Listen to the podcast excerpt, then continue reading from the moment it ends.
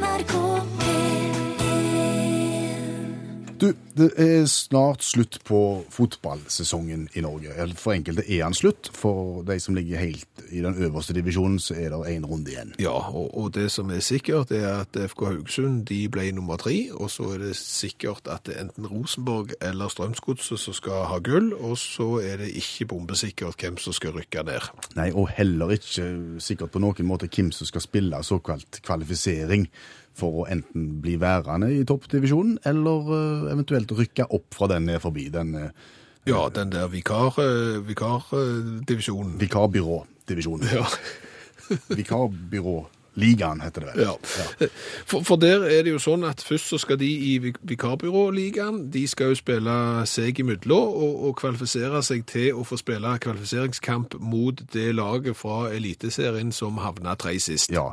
Eller Høneligaen, som jeg liker å kalle den. Høneligaen. Ja, det er oh, ja, sånn ja. et synonym går- for det som han egentlig heter, som ikke sier NRK. Ja, oh, ja, sånn ja. ja det, det er flott. Du, du kan for eksempel, ja, mm, Det blir en kvalifiseringskamp mellom ett lag fra vikarbyråligaen mot det tredje siste laget i Høneligaen. ja, og det var utrolig spennende å snakke så mye om det. Hva var poenget? Det er en kvalifiseringskamp. En kvalifiseringskamp. De skal kvalifisere seg for enten å bli eller å rykke opp, Ja, vi har skjønt det nå. Ja. En kvalifiseringskamp. som populært kalles Kvalifiseringskamp som populært kalles kvalik. ja, kvalifisering, forkortes. en kvalikkamp. Hvor mange K-er er det i kvalifisering? Der er én, Hvor, hvor mange er det i kvalik? der er to. Ja. Hvem var det som kom på den? Vi skal forkorte kvalifisering. Vi kaller det kvalik. Vi sier ikke kvalif. Nei, hvorfor Nei. sier vi ikke kvalif? Jeg vet ikke. Kvalifkamper høres jo like greit ut, det er kvalikkamper. Det er jo bare blitt uh, Hvordan staver du kvalik, forresten? Er det med to k-er på slutten? Er det to l-er i midten, eller hvordan er det? Ikke godt å si. Ja, det er fiffig, ja. Jeg bare stiller spørsmålet ut i luften, oh, ja, nå i forbindelse med disse her kvalifiseringskvalikkampene som skal, skal i gang snart. Ja, du, du, er du sikker på at du havna i rett program? At ikke du burde vært i sånn, sånn språk? O, o, språkteigen.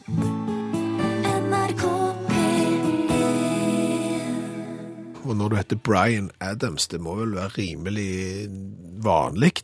Altså litt sånn Ole Olsen-aktig navn, tror du ikke det? Kan tenke meg det. Ja, da får du unger, og så er du artist. Da skal du kompensere med en gang. Og da blir det lange navn på ungene. Ja, selvfølgelig. Da får du jo ei datter som må hete Mirabelle Bunny Adams, selvfølgelig.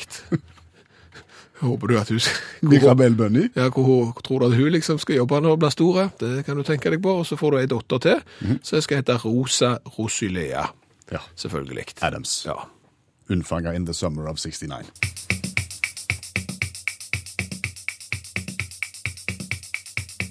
Nå sixpack. Ja, ja. Og, ikke sånn som du drikker. Nei.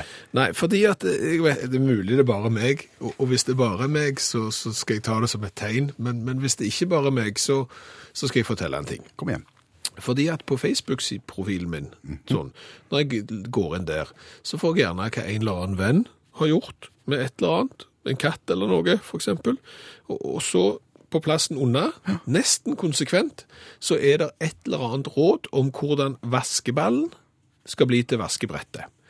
Eh, Hvordan du uten å løfte en finger nesten skal bli syv kilo lettere på ei uke. En hel haug med sånne slanke greier får jeg alltid som en annonse under der. Der ser jeg alltid for Ida Vollvik.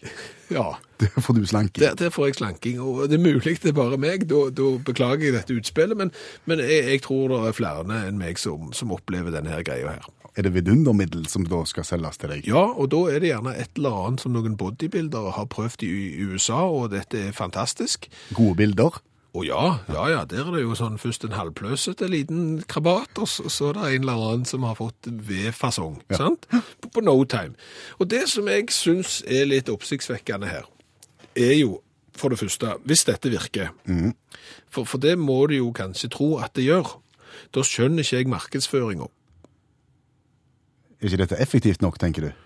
Det jeg tenker, at hvis jeg hadde hatt et produkt som jeg var kjempefornøyd med, og som jeg visste virkte, da ville jeg at verden skulle fått vite om det. Og hvordan får verden vite om ting som er nesten for utrolig til å være sant? Via media. Via media, riktig. For eksempel hvis du har lagt en bil som du er veldig godt fornøyd med, og så, sånn, og så da lanserer du verdenspressen, så får du flydd de inn til Spania, så får du dynka det i rødvin og chorizo-pølse eller noe sånt, sant? Og så får du en eller annen sånn kvapsete biljournalist inn bak rattet, og så skriver han om hvor flott denne bilen er, sant? Det er en resept. Har du gitt ut en film, så går jo selvfølgelig journalister på filmen, og så ser de den, og så triller de terning, og har du gitt ut ei plate, så sender du rundt dette albumet til alle musikkjournalister, og så mener de noe om det, sant? Og dermed så får vi forbrukere, vi får da et inntrykk av hva dette produktet er. Ja, Men hvor kommer slankingen inn i bildet her? Hvorfor skjer ikke det der? Altså, der er det en eller annen anonyme fyr, eller et eller annet sånt. som Gjerne fra Wisconsin. Gjerne det, som veide 67 Hvem er det som veier 67 kilo i utgangspunktet? Det er jo ingenting. Nei. Sant? Veier 67 kilo, og så i løpet av tre kvarter så er de nede i 60. Og så har de fått eh, vaskebrett på kjøpet, sant? på noen fantastiske greier. Det jeg savner her, av de som selger dette her produktet, ta kontakt eksempel med meg. Ja, altså Jeg er villig til å, stille kroppen min til disposisjon her, sant? for her er, jeg har potensialet til å vise at dette virker. Og virkelig fortelle, ja, nå har jeg fulgt bruksanvisningen, jeg har gjort sånn og sånn og sånn og sånn, og vet du hva? Det virker faktisk. Vi snakker til 335 40 000 lyttere akkurat nå, sant? og kan da si at, vet du hva, jeg tok et sånt produkt, og, og det virker. Eventuelt, det virket ikke. Ja, og det det er kanskje der det er en viss frykt. Det er, nok, Muligens. det, det er mulig at det, det, det er der det ligger. At Ja. dette er såpass dyrt og virker såpass dårlig at jeg tror vi må holde det der til de naive som, som kjøper det. Ja, Men hvis de vil ta kontakt, så ringer de inn i Kvalifisering blir til kvalik, eh, forkorta. Vi lurte litt på hvorfor det ikke heter kvalif. Ja, kvalifiseringskamper, kvalikkamper, sier seg sjøl. altså, én ting er å ha en kvalifikasjon, altså en egenskap eh, til å oppnå noe, men det er en kvalifiseringskamp som har blitt til en kvalik. Og, og Jarle har fasiten. Han sier at hvis det er noe du lurer på, så er det bare å spørre. Hva sier Jarle? Jarle sier at dette er jo dansk. Det kommer fra Danmark. ja. Ja, det er typisk dans med nektelse på slutten. Altså, dansker ville sagt kval eg, Oh. sant? Altså som en eh, kvalifisering, ikke sant? Eller der omkring. Så, så altså kval eg. Så, så som sagt, eh, Jarle, vi spør hvis det er noe vi lurer på. Hvordan går det med førsteklassingen, Vebjørn? Jo, det går veldig bra. Det går veldig bra. Det er lekser og skolearbeid og, og lek og moro. Det har gått bra hele høsten med, vil jeg si. Han Ja. begynte jo i første klasse i august. Ja, og, og i og med at det har vært så mye fokus på den norske skolen, og på, eh, ikke minst på manglene i den norske skolen, så tenkte vi at vi må jo følge med her og se om det er så gale som de vil ha det til. Ja, og erfaringen så langt ikke på noen måte. Nei, på, på, på ingen måte. Og jeg eh, spurte hva de hadde hatt fokus på denne uka. Ja, var det det geografi og historie, eller jo litt vrient å så sette det sammen, fordi at du kan si geografi i den videste forstand, for det har vært innom universet, ser du, men, òg historie om hvordan vi mennesker her på jorda har sett på oss sjøl inn i den universelle plasseringa, hvis du skjønte hva jeg mente. Jeg spurte Vebjørn hva de hadde lært. Vi lærte om heliosentrisme. Heliosentrisme. Ja, eller det heliosentriske verdensbildet, om du vil. Og hva er det heliosentriske verdensbildet? Det er oppfatningen om at sola er sentrum i solsystemet, og at jorda og alle de andre planetene går i baner rundt sola. Ok, eh, har det noen gang vært tvil om det? Ikke nå, men før var det. Da trodde folk at jorda var sentrum i universet. Ok, og når jorda var senter i universet, da heter det Det heter geosentrisme. Jorda i sentrum. Ok, eh, Når begynte folk å forstå at det er sola og ikke jorda som bokstavelig talt er verdens navle? Da er vi tilbake i 1543. Nikolaus Kopernikus skrev boka som heter Om himmel, sirklenes omdreininger. Den boka regnes som overgangen fra det geosentriske verdenssynet til det heliosentriske.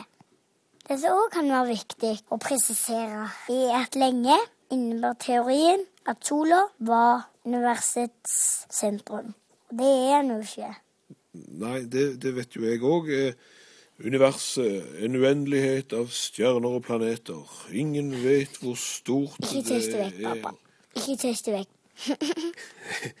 Forskjellen mellom solsystemet og universet blir klar først seinere. Hvor mye seinere da? Først i 1838. ble en av hovedutfordringene for det solsentrerte verdensbildet løst. Da kunne man rett og slett måle ei stjernes parallellakse. OK, eh, der datt jeg av. Ikke løy det, men til tross for mangelen på endelige bevis, hadde den solsentrerte modellen da vært akseptert i praksis, siden i hvert fall Newton sin tid. Fordi den fungerte så bra for praktiske beregninger. Ganske imponerende, alt du vet. Eh, Hvordan har resten av uka vært, da? Helt fint. Helt fint. Ja, travelt er jo ikke akkurat. NRK P1 Du kalte meg Jan Språkteigen tidligere i programmet. Kan jeg få fortsette litt i den samme gata? Du, du er litt opptatt av språket språk og hvordan det Ja, litt språk og ord og vendinger, og det er litt på det sporet Du der. Du er litt fiffig i dag, rett og slett. På en måte. Ok. Kan vi gjøre det? Ja, vær så god. Ja, ok. Eh, Du, la du se, hør nå. Du, Ja. du installerer et program på datamaskinen din, eksempel. Ja. Og så viser det seg at det fungerer ikke som det skal. Det har oppstått et, problem. Kommer det opp. ja. Hva må du gjøre da? Altså, i, tillegg til å ringe til Nigeria til Windows Support, eh, så kan du altså, installere. Da installerer du det en gang til. Ja, eller Reinstallere. reinstallere, ja. Ja. Ok, eh, hold på den tanken. ja, greit. Så har du et engasjement for eksempel for eh, et foretak, en arbeidsplass, Ja. et tidsbegrenset engasjement. Ja. Så slutter du, og så har du gjort en såpass god jobb at de ringer til deg etter et par måneder Ja. og spør om du kan komme og jobbe enda mer for dem. Uten å få fast jobb.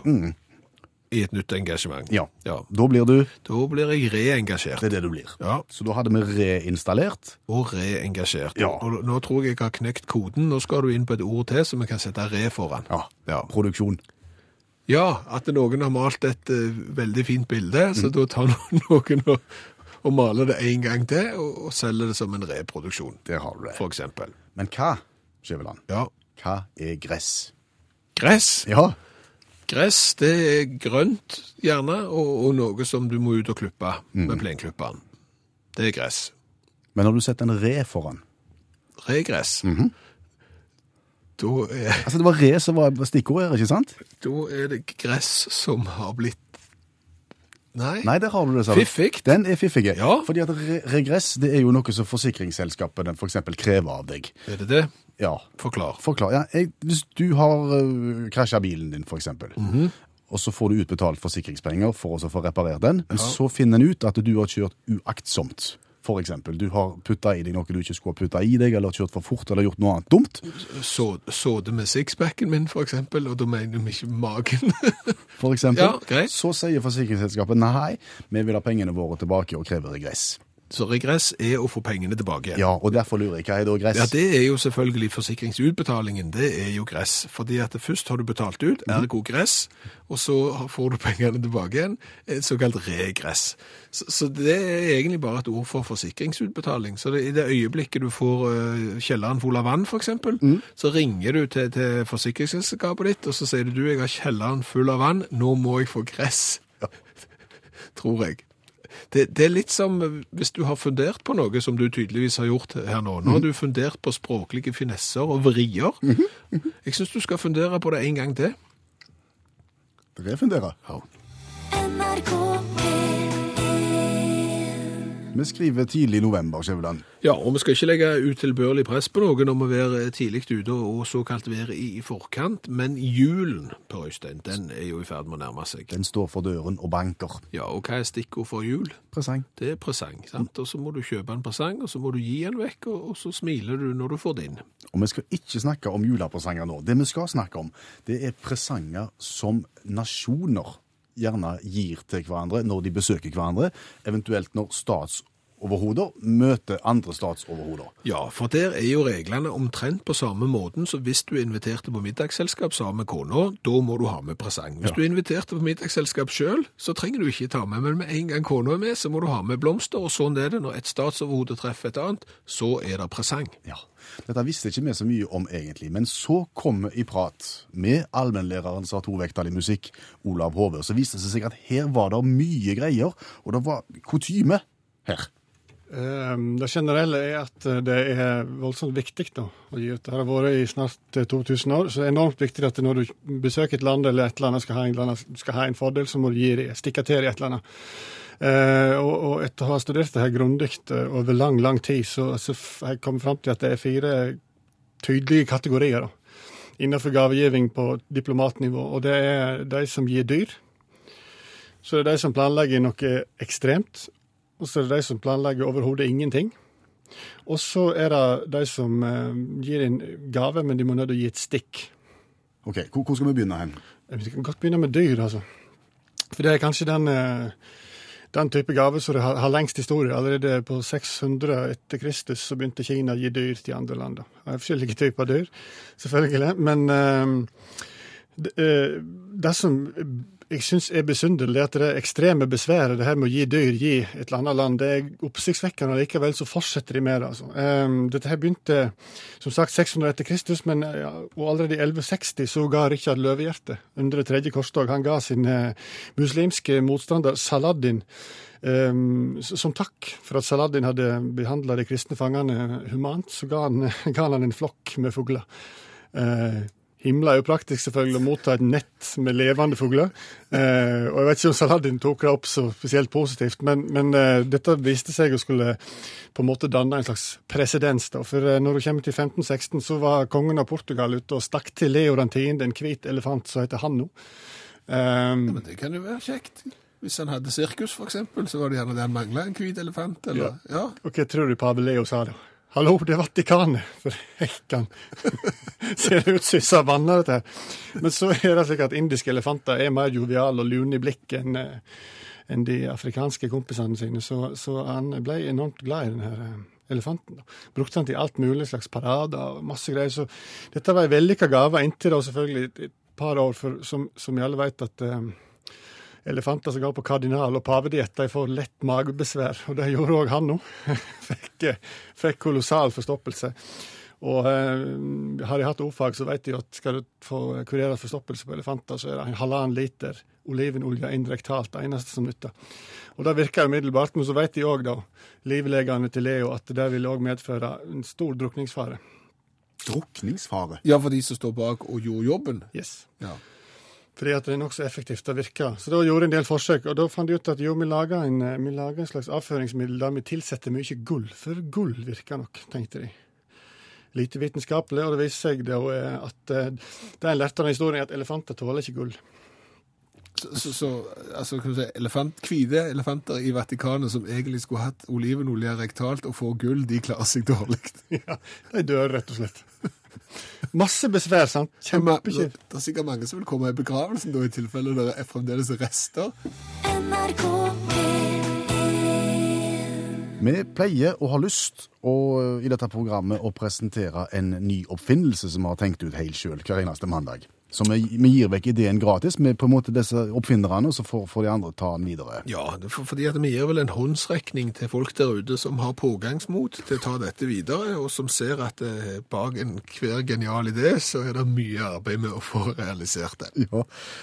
Og i dag så skal vi inn i helsevesenet, har jeg skjønt? Ja, rett og slett. En lang historie, veldig kort, men eh, siden den siste uka så har jeg eh, sovet mang en natt på sykehuset. Det, det har med at vi har en sønn som har vært der, og, og, og det er jo for så vidt greit. Bare la meg si det med en gang, det her er ikke noe kritikk til helsevesenet, det er en fantastisk jobb. Det det er en kritikk av, det er, kan du si, det vi ligger på. Det er sengene i helsevesenet. Ja, sengen er nå et kapittel, putene er nå et helt annet kapittel. De er gode på antibiotika, men de er elendige på puter. Dette er en kritikk av putene i helsevesenet. Ja, for, og, og jeg skjønner jo det. Jeg er jo ikke, jo, jeg er kanskje det, men, men jeg er ikke så dum at jeg ikke skjønner at du ikke kan ha kontinental rammemadrass eksempel på et sykehus. Det har jo med gjerne at folk sprekker og, og, og, og lekker, vet du, og sant, der er, der er drevja og gørr. Og, da må du ha mulighet til, til å rengjøre disse her. Det, det ser jeg. Og det er klart at det, hvis du har vaskt dunjakken din noen gang, har du gjort det? Ja. Eh, Hvordan, hvordan er dunjakken etter at den har blitt vaskt? Noe vissen. Det meste av dunen er på én plass, gjerne nede. Ja, sant? ja. Og, og oppe er det ingenting. Hva er resepten da? Resepten er jo en, eh, en slags en tennisball, kanskje, i tørketrommel. Ja, eller ti tennisballer. Ja, dunk, dunk, dunk, dunk, lufting, bang, bang rundt, få gang på dunet. Ja, og, og det er klart disse putene som, som folk har lekt på og, og sprukket på og sånn når de ligger på sykehuset, de, de krever jo da vask, sant? Og, og du har gjerne ikke tid til å kjøre hver enkelt pute i en eller annen tørketrommel med tennisballer, så dermed så, så havner jo de sikkert bare til tørk en plass, og oppfører seg jo som om noen har tatt vått avispapir, krølla det sammen, hevet det inn i et putevar og latt det stå til. Så det er problemet. De er harde, og lave og flate og vonde å ligge på. Ja, de er egentlig alt, og det er bare sporadisk et eller annet å ligge på, og det som du ligger på, det er vondt. Akkurat. Og der kommer oppfinnelsen inn. Fortell. Sykehusputen. Der, altså. Ja, sykehusputen har jeg tenkt skal være ei pute som etter du har vasket den, at innmaten er av et sånn et fabrikat at du kan tørke det uten at det forandrer form. Ser du for deg det? Ja, Jeg vet ikke helt hva som skal være inni der. kind of svamp. Ja, Det er gjerne litt vondt å, å, å tørke, det tar gjerne litt lang tid, men det, men det er her gründerne kommer, for det er klart at det... Dette er ikke gjennomtenkt. Dette er ikke ferdig tenkt. Nei, altså her, her bare sår jeg en tanke, og så kan gründeren nå i deg som sitter og hører på radioen, liksom bare få lov å blomstre i fred, og tenke på hva for et materiale det er som, som ikke forandrer form når det er vått, og har samme formen når det er tørt. Ja.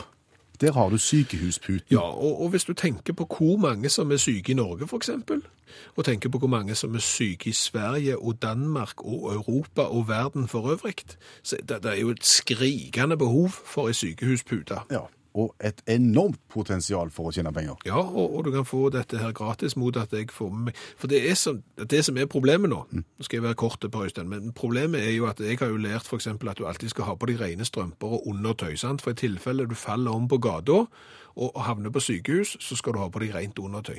Det er ikke det som er problemet nå, altså. Nå må du ha med deg puta når du går ut i tilfelle du havner på sykehus. NRK P1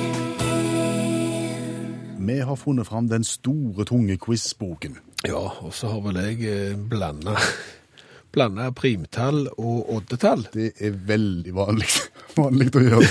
Ja, det, det er det, men eh, for, for primtall, det er jo da, altså for å lage primtall, så må du koke myseblandingen ikke fullt så lenge som når du lager Nå tror jeg ikke vi skal dra den lenger enn nødvendig. Nei, det var dårlig. Men mange har meldt seg på konkurransen. Og Kurt i Stokmarknes har vi plukket ut i kveld. Hei, Kurt. Ja, hallo, hallo. Hei. Klar for quiz? Ja da. Godt. Tanken er altså at du skal få velge sidetall i boken og nummer på spørsmålet og hele greia, og svarer du rett på spørsmålet du får, så får du Svarer du feil, så får du Men uansett så får du T-skjorte med utakt-motiv og vedhals. Ja. Ja, det høres veldig bra ut. Er, du sterk på, på quiz når du selv ikke får velge tema? Noen ganger så eh, kan det hende at jeg treffer. Ja. Eh, Da skal du ikke velge primtall, du skal velge et oddetall mellom 9 og 371. Da tar vi eh, 29. 29 der altså. Eh, Da er vi kommet fram til kategorien luringen. Også det. Og, og et spørsmål fra 1 til 15. Eh, 7. 7. Luringen altså nå. Ja, og, og, og spørsmål nummer 7 i luringen, det er hva er substraksjon? Det er å trekke ifra. Det er jo så korrekt som det kan få blitt. Ja, ja. Luringen i Stokmarknes knakk den første koden. Ja, og, og da gjentar vi prosedyren. eh, Et, et primtall fra Et oddetall fra 371 til 9. Skal vi se hva vi skal ta nå. Eh, vi tar eh, ja. Eh, 17. 17. 17. Vi holder oss i den tidlige enden og er da i kategorien lett mix. OK, vi gikk fra luringen til lekten. Ja, lett mix i spørsmål 1 til 15. eh, Da kan vi prøve 9. 9, ja. Hva heter dronninga i Blåfjell? Oh, oh. Blåfjell. Hva hun het? Mm. Den var verre.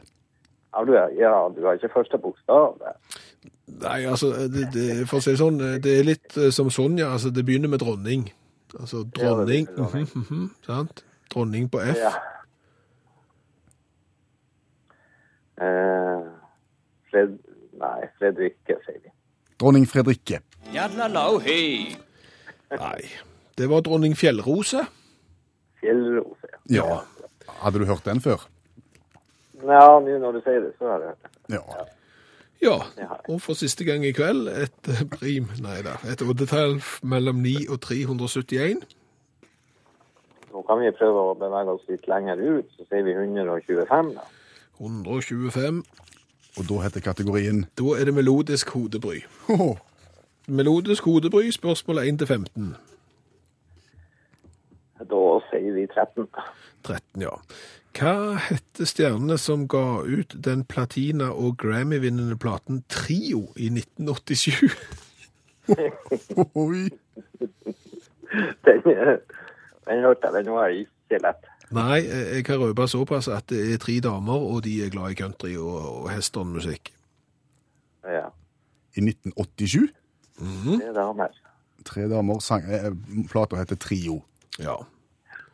Kan du gi oss noen flere tips på veien her? Jeg, jeg kan si at hun ene har sikkert ikke sitt eget hår, og hun har heller sikkert ikke sitt eget brystparti. det må eh, kanskje være dårlig bak. Ja, da har vi én av tre, og, de to Ja, andre kan jeg så lite om. Eh, kan det være ei som heter Linni hun. Ja. og så... Nei, jeg vet ikke hva det kan være. Nei, men vi, vi, vi, vi må dessverre gjøre sånn, da. Men det var Dolly Parton, og så var det Linda Ronstadt og Emmylou Harris som sammen hadde lagd den plata. Det er bare å beklage at det var litt vrient, men det var din egen feil. Ja, det var det. jeg skulle ikke ha gått så langt bak i boka. der. Nei, du var sterk på luringen. Der var du god. Ja, det var luringen. Der var jeg god. Den skal du ha. Kurt, Ja. T-skjorta med vedhals på vei retning Storkmarknes allerede nå. Ja, supert. Ha en god kveld videre. er kjempegøy. NRK P1 Og vi lanserte Sykehusputen tidligere i programmet. En eh, ny oppfinnelse som skal gjøre at den puta blir god å ligge på. Ja, altså ei pute som tåler vask etter vask etter vask etter vask på 90 grader, uten at den framstår som om noen har tatt våt avis og hevet inn i et putetrekk, litt etter den der vilkårlige metoden. Har du fått støtte for ditt syn på sykehusputen som da finnes i dag? Og absolutt, og til Pål som, som prøver å si at dette ikke er et problem, som har ligget på Haukeland sykehus ved flere anledninger og alltid fått gode puter. Alle andre tilbakemeldinger her, Pål, taler til at dette er et nasjonalt som et globalt eh, problem. Og jeg får annet støtte fra helsevesenet selv. Ingvild har sendt meg en melding. Hun har sovet på sykehus selv i eh, syv måneder. Og, og, fasiken for noen filleputer, sier hun. Endelig er det noen som tar opp problemet som vi har slitt med lenge. Og puter på sykehus, som sagt, vaskes på 90 grader, og, og det hives altfor lite inn i de. Hun jobber selv i, i helse og, og vet at dette stemmer. Sånn at her eh, tror jeg vi er inne på noe. Randveig i Sauda støtter deg òg, ser jeg her. Forslaget hennes eh, går ut på at hvis du får til ei pute med en form for gelé inni, trekket eh, til denne puta må være da lagt i et sånt materiale som tåler vask etter vask etter vask. Og så må du kunne da rett og slett bare desinfisere denne her gelémassen som er på innsida.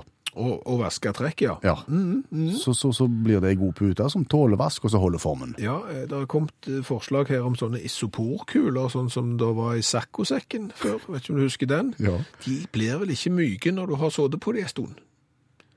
Er vel erfaringen min. Nei, Eh, Det andre forslaget her er bobleplast. Det vil vi ikke anbefale. Nei, for, for der bobleplast er samlet, og en eller annen med fingrene der som trykker på, så, det, Ikke så bare en eller annen, alle Skjæveland. alle kommer til å trykke på det. Så, så, så det er nok ikke en mulighet. Er det noen som har foreslått luft? Nei, Nei, jeg kom på det. du kom på luft. Ja, altså etter luftmadrassprinsippet. Så må jo det være mulig. Det er jo rent. Altså, Da kan du bare vaske trekket, og så kan du fylle i så mye luft som måtte behage Herren. Mm. Har du lagt på luftmadrass noen gang? Den gode gamle som Ja, den gode på, gam- Den som ligner på Kon-Tiki. Ja. Ja. Den- Hvor lett er det å dosere luft for at det skal bli behagelig? Nei, men du, nå snakker du om luftmadrass som, som stammer fra 1963. Jo, men Verden har gått videre. Nei, den har ikke det, for hvor vanskelig er det å dosere luft, spør jeg. Det er ikke bare enkelt. Nei, han går fra å være alt, alt, alt, alt for hard, så tar du ut bitte litt luft, og plutselig så var han omtrent som et flatt sykkeldekk. Så det er Ja. en grusom idé. Ja, men jeg ser for meg du, det, er jo sånne små uttak på veggen på sykehuset. Ved lyst, gass og vakuum og forskjellig. Ja. Det må da være en sånn lite luftuttak, tenker jeg. Og så kan du bare ha en liten slange, så kan du justere dette her. Nice. Og der er, Jeg tror det er billig. Det er billig. Er det helium der, for eksempel? Det er det òg. Det er jo lettere enn luft, og så snur du deg, så er plutselig puta di opp under taket. Og så må du ta den ned igjen, så tar du deg en sup, og så har du jo en alle tiders eh, kveld der. Du løyen stemme. NRK P1 Utakt i NRK P1. Hvor vi for eh, noen eh, minutter siden snakket om nasjoner som gir presanger til andre nasjoner i forbindelse med statsbesøk, eller, eller statsoverhoder da, som gir presanger til andre statsoverhoder. Det er forskjellig som blir gitt vekk. Ja, og jeg har fått en del meldinger på Facebook her eh, i forbindelse med presanger som er gitt, eh, og det er klart at eh, Jim vil jo gi vekk svigermor si.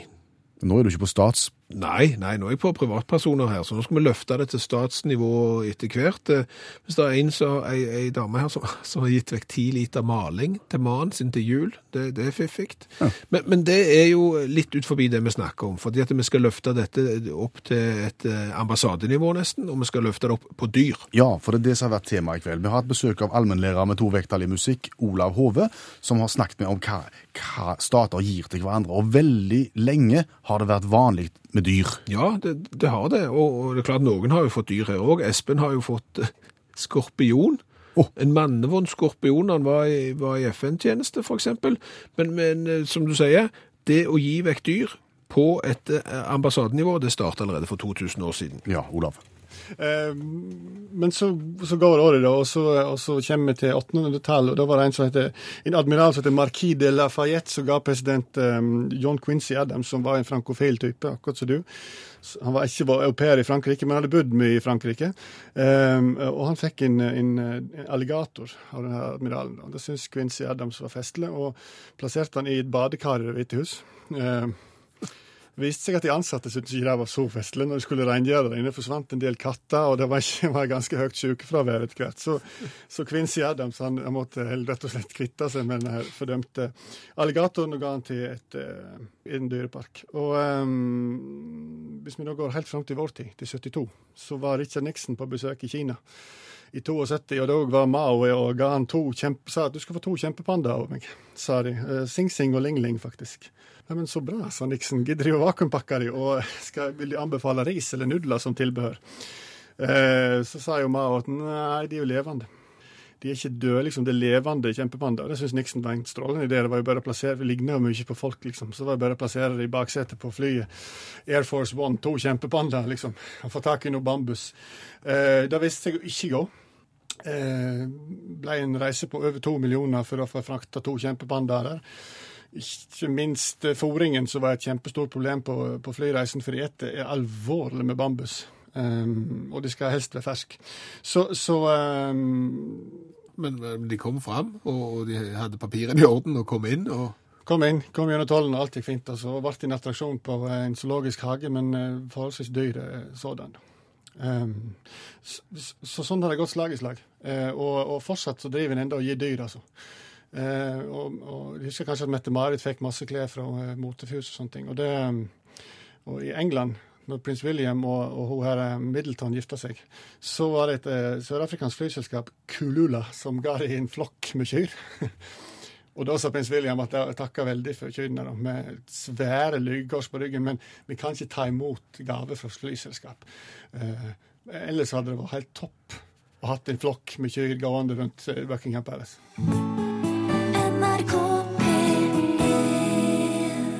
Forrige mandag Skjæveland, så la vi, eventuelt du, deg ut med alle de som bygde landet. Ja, for det er klart at hvis du har vært med og bygd landet, så er det en oppfatning av at ja, siden jeg var med og bygde landet, så har jeg rett til en del ting, rett og slett fordi at min posisjon som landbygger har gjort at jeg fortjener det.